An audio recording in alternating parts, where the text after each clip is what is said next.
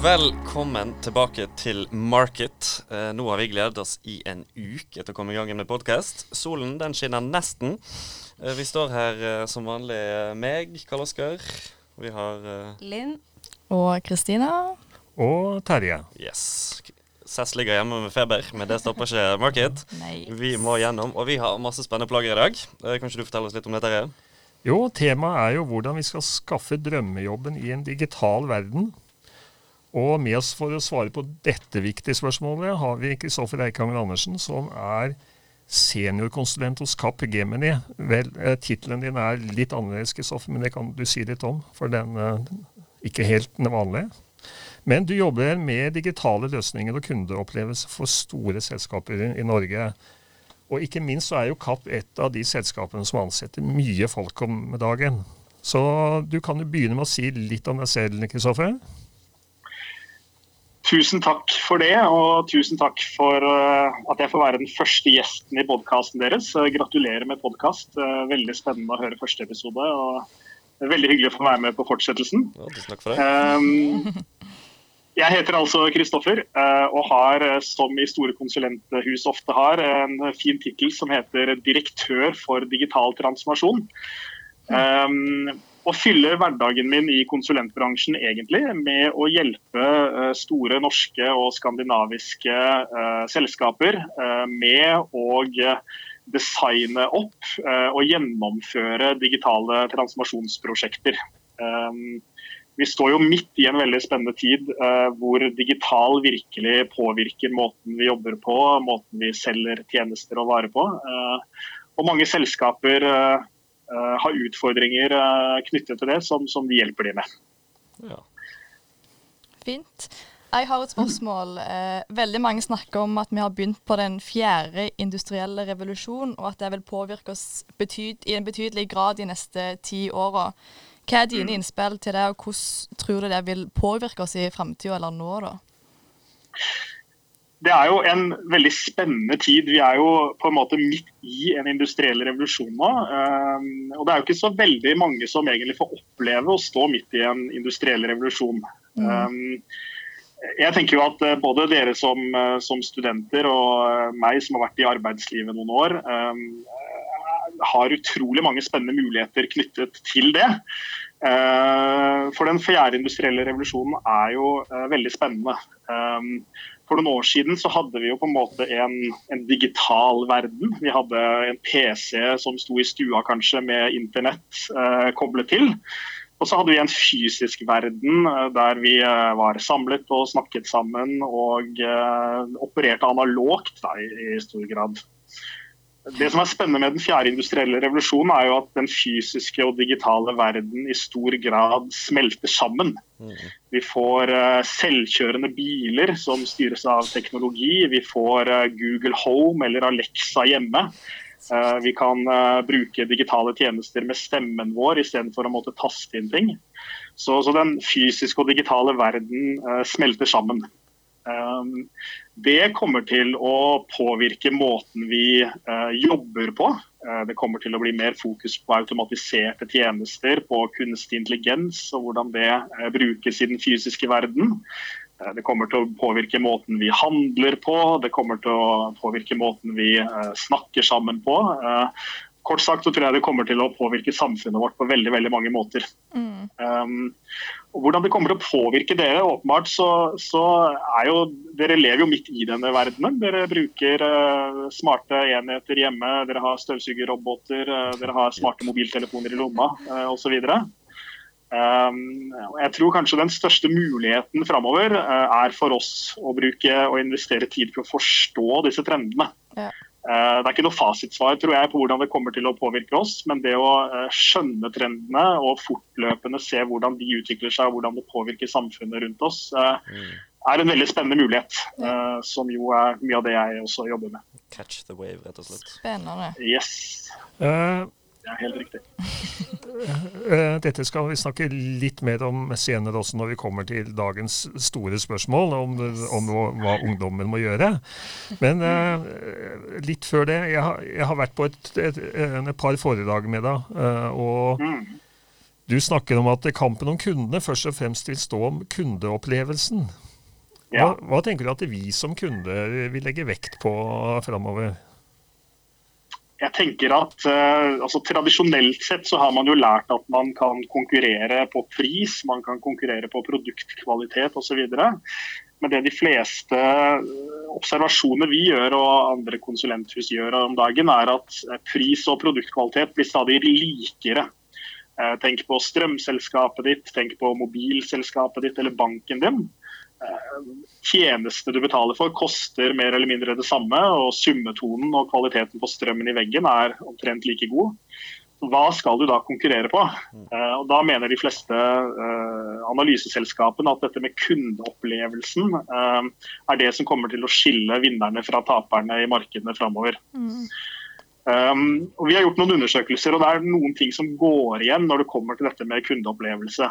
Um, vi ser at uh, de fleste kunder um, foretrekker personlig service, uh, enten digitalt eller fysisk. Men at når man går inn i en butikk eller går inn på en nettbutikk, at man føler at den, det selskapet kjenner deg, uh, kjenner hva du foretrekker, hva du har gjort tidligere osv.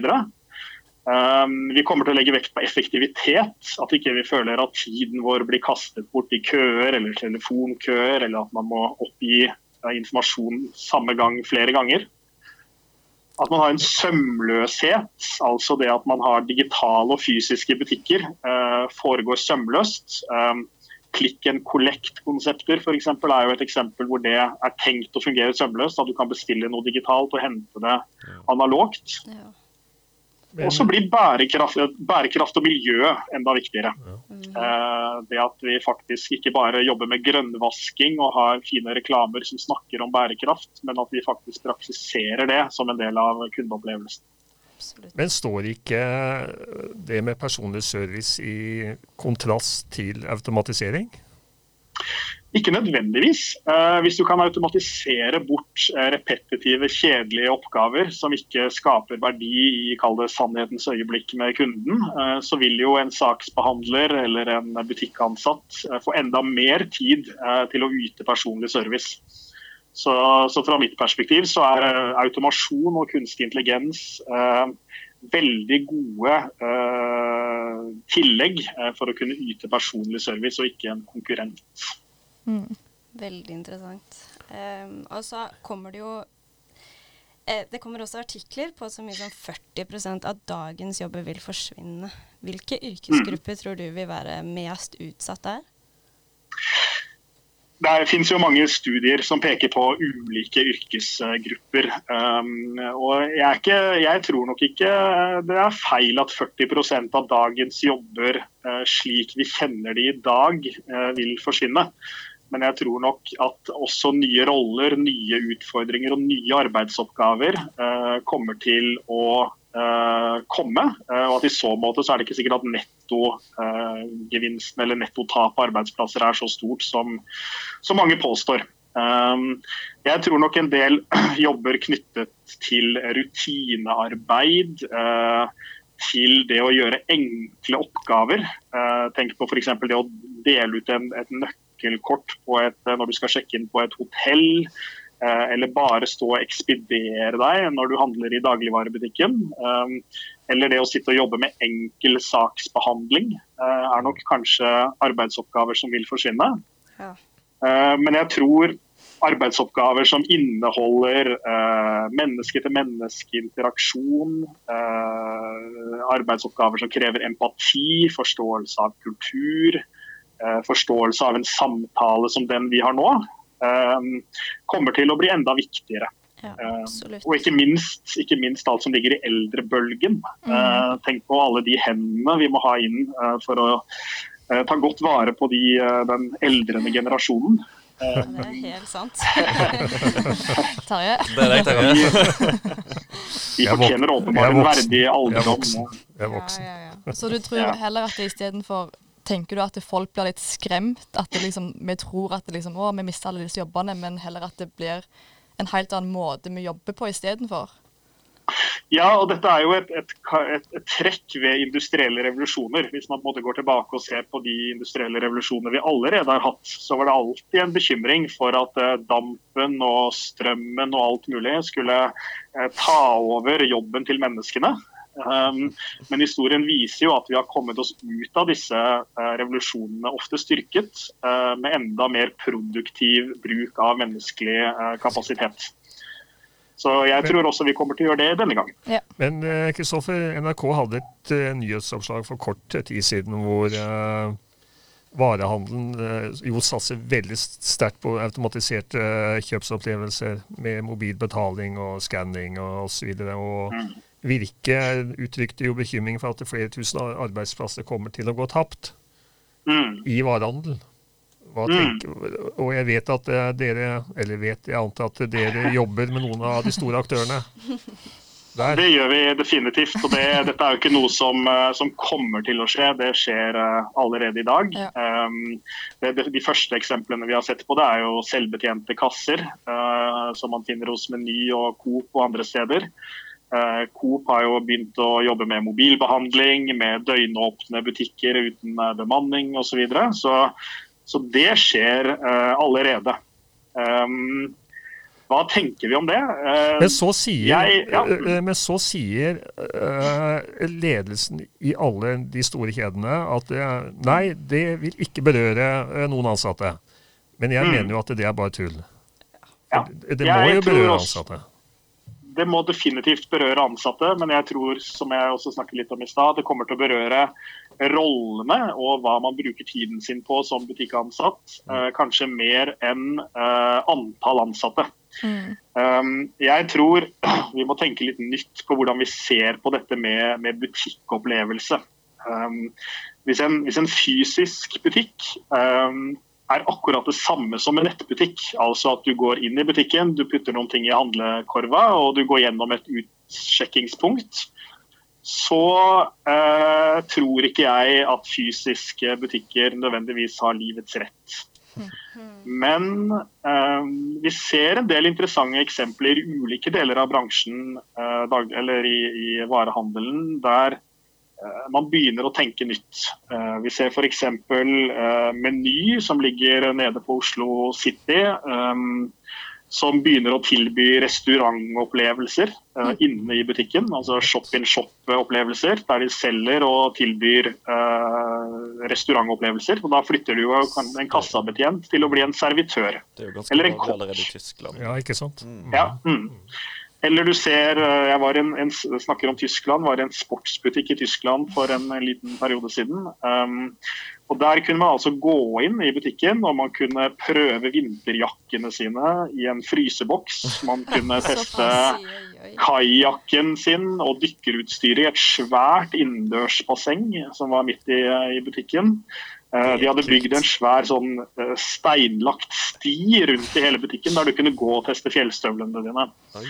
Um, så jeg tenker, ja, ja, ja. Det er ikke sant, og da tilbake til det vi snakket om først. Da er det ikke om å gjøre å være billigst, um, men det handler om å gi en opplevelse på toppen av den varen som du skal kjøpe, som en nettbutikk aldri vil være i nærheten av å kunne gjøre. Um, den retningen, det å fokusere på ikke bare vareplassering og automatisert utsjekking, som bør være der, mm. men det er ikke det som skal være grunnen til at du går i en fysisk butikk i framtiden, tror jeg. Nei. Vi eh, har jo det store spørsmålet i dag, tittelen på episoden. Eh, for vi er jo en podkast av og for studenter. De fleste, eller mange av de som hører på, hvert fall, er jo på vei gjennom studieløpet. Og mm. etter å ha sett gjennom LinkedIn-profilen din, så vet jo jeg at du har gjort mye kult. Eh, så spørsmålet vårt i dag er jo hvordan man skaffer seg drømmejobben i digital framtid. Ja. Um, jeg tror Jeg har et par tips, da om jeg kan få, få komme med det. um, jeg tror uh, det første man må gjøre, er å kalle det avmystifisere digitalisering litt. Ja. Uh, når jeg snakker med, med, mange om at jeg jobber i et IT-konsulenthus med digitalisering, så tror folk at jeg jobber med programmering. Eh, jeg har aldri skrevet en linje med koding. Eh, og for å være helt ærlig, så handler ikke digitalisering først og fremst om kodelinjer og, og programvare eller digitale plattformer. Så Det er liksom første steg. Ha et åpent sinn til dette med, med digitalisering. Og, det, og, det, neste handler om å forstå det. Um, og Der uh, må jeg si at jeg er litt skuffet over uh, norske utdanningsinstitusjoner. høyskoler, universiteter rundt forbi. de er generelt sett altfor dårlige på å jobbe med digitaliseringsaspekter i fagene man har. Mm. Fordi uansett om man studerer eh, til praktiske fag eller økonomi eller markedsføring eller hva som helst, så er digitalisering noe som gjennomsyrer alt. Um, så, så, det neste tipset mitt blir nok at dere dessverre nesten sagt også må, må se utenfor pensum og utenfor studiehverdagen, eh, mm. uh, innenfor måte, studiepoengfagene, uh, for å lære mer om det. Men òg å på en måte finne ut av ting litt sjøl og lære yes. oss sjøl litt hvordan ting fungerer der vi ikke lærer her på skolen. Helt, helt, riktig. Ja. Og Da, da finnes det noen veldig konkrete ting man kan gjøre. Ja. Um, vi har jo snakket litt om kunstig intelligens i dag. Uh, nå kommer det hvert øyeblikk et uh, kurs som heter Elements of AI. Uh, som er et, opprinnelig et finsk kurs, men som norske myndigheter uh, og jeg tror det er NHO har bestemt for å tilby egentlig gratis til hele den norske befolkningen. Eh, det er et 30 eh, timers eh, online-kurs som gir deg et, en fundamental forståelse av kunstig intelligens og hvordan det påvirker samfunnet vårt. Ja. Så Det er liksom ett konkret eksempel på hvordan skjønne digitalisering. Ta det kurset når det kommer om noen minutter. ja. um, bruk ja, ikke sant? Ja, gjør det. Eller uh, lag en uh, helgehackathon på universitetet. eller hva som helst. Det kan vi for så vidt gjøre. Um, det neste tipset mitt er egentlig å altså, bruke og være litt nysgjerrig på disse teknologiaktørene. Altså, man har sikkert hørt om Microsoft og Amazon og Salesforce og alle disse store teknologiselskapene. Felles for de er at hvis man går inn på nettsidene deres, så har de tonnevis av kurs og introer og alt mulig til ulike typer av teknologi og digitalisering. Mm. Uh, som ofte er veldig hands on oppgaver, der man kan bygge uh, chatboter eller kommandoer til Google Home eller hva som helst. Mm. Det kan være litt gøy å måte, eksperimentere litt for å måte, få litt praktisk erfaring da, med hva, hva teknologi egentlig dreier seg om. Yes. Um, og, og, og, diskutere og være nysgjerrig på dette. Eh, jeg var inne på forsiden på dn.no i stad, og der talte jeg i hvert fall opp fem eller seks caser på forsiden av DN akkurat nå, okay. som handler om direkt, altså endringer som skjer i norske og internasjonale selskaper som en direkte konsekvens av digitalisering og digital distrupsjon innenfor flybransjen, byggebransjen, oljebransjen, offentlig sektor. Um, lage noen kollokviegrupper og plukke opp noen av de artiklene og si ok, hvis jeg hadde jobbet i Norwegian uh, og dette hadde skjedd, uh, hvordan ville jeg reagert på det? Hva ville jeg gjort? Hva kunne vi gjort? Mm. Um, dere er sikkert vant til å jobbe med caser på studiene, men lag deres egne caser. Uh, og det er Den enkleste måten å gjøre det på, er å se på forsiden av DN.no. og da, Det bringer jo oss egentlig over på vår neste faste post. Og vi vil ha med deg videre, Kristoffer. For den store saken denne uken var jo G-sport, eh, eller Gressvik-konkursen som jo eh, slo kraftig ned i hele sportsbransjen og egentlig varehandelen generelt. Og det, det jo, da er vi jo tilbake til deler av det vi har snakket om tidligere i dag. Liksom. Det, mm. men det er jo det selskapet med lengst tradisjon i Norge. Mm. Og liksom hadde eh, opparbeidet seg en, en gjeld på 1,1 milliard. Eh, jeg leste en Uh, observasjon på nrk.no i går vel, om at de, de kalte det at de var utsatt for eh, den perfekte stormen. Mm. Uh, men det er klart at noen overlever jo, og jeg, jeg tenker at dette, dette, kan være relevant å relatere til strategifaget. Det var det første som slo meg, da. Uh, med liksom uh, tilbake til generiske strategier og da stuck in the middle. Uh, for det er, det er, jo et faktum at Gmax ikke klarte å håndtere konkurransen mot XXL i samme segmentet. Og G-sport er jo skvisa av Sport 1. Sånn at de faller liksom mellom alle stoler og ikke, ikke er billigst og ikke er best. Mm. Uh, så jeg tenker, at, uh, jeg tenker at det er kanskje en viktigere årsak enn at det, det var dårlig i januar, og, altså værforhold og liksom type ting. da.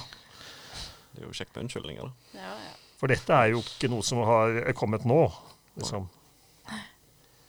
Men det har jo rista varehandelen.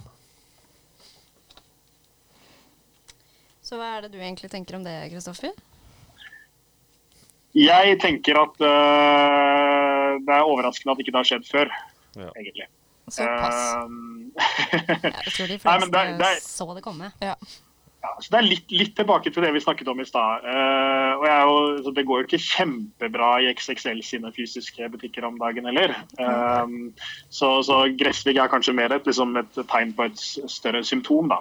Um, men, men, jeg tror det handler mye om det vi snakket om i stad. at uh, Særlig fordi Gressvik uh, har i stor grad vært uh, basert på store fysiske og relativt dyre butikker.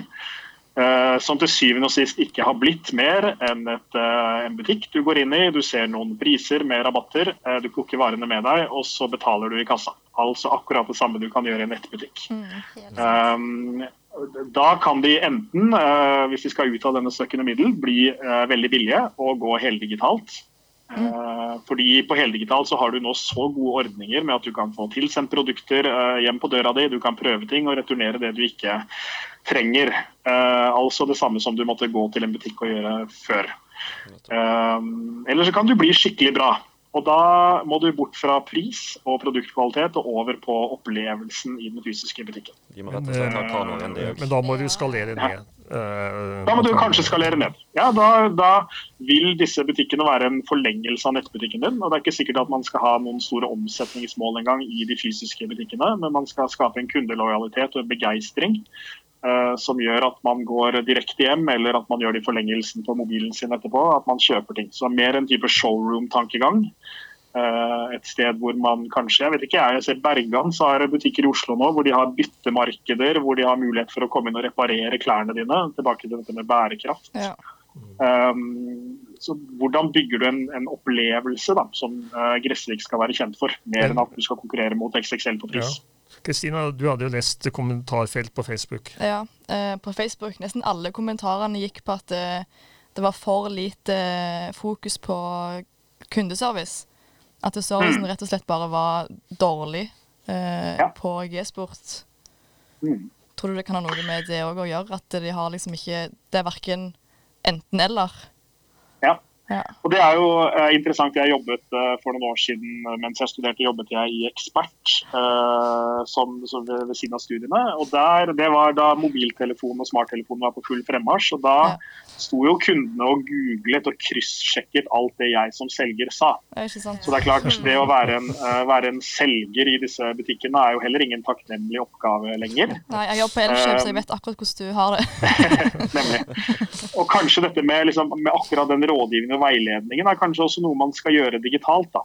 Eh, gjennom eh, chatboter eller uh, peer reviews. Uh, det er jo ingen som stoler på en butikkansatt lenger. Man stoler jo bare på hva venner og andre skriver om en, et produkt i ja. ratingseksjonen. Ja, og... Så kanskje ikke det er der man skal konkurrere, da.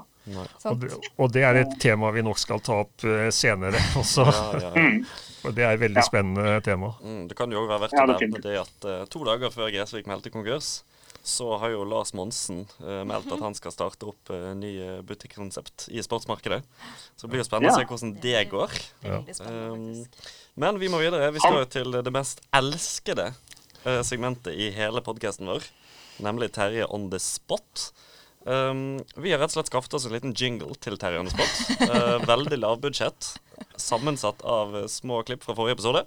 Så da går vi videre til jeg er foreleser. har 30 års ledererfaring. Uh, vi har valgt å kalle det Terje on the spot. Der! Terje on the spot. Og i dag er det Linn som lurer på noe. Ja, for i forgårs så var bloggerne Kristin Gjelsvik, Isabel Rad og faren til Sofie Elise gjester på Debatten som sendes på NRK. Nå ler han godt her. I forbindelse med en influenserkåring som tok plass for noen dager siden, som heter Vixen.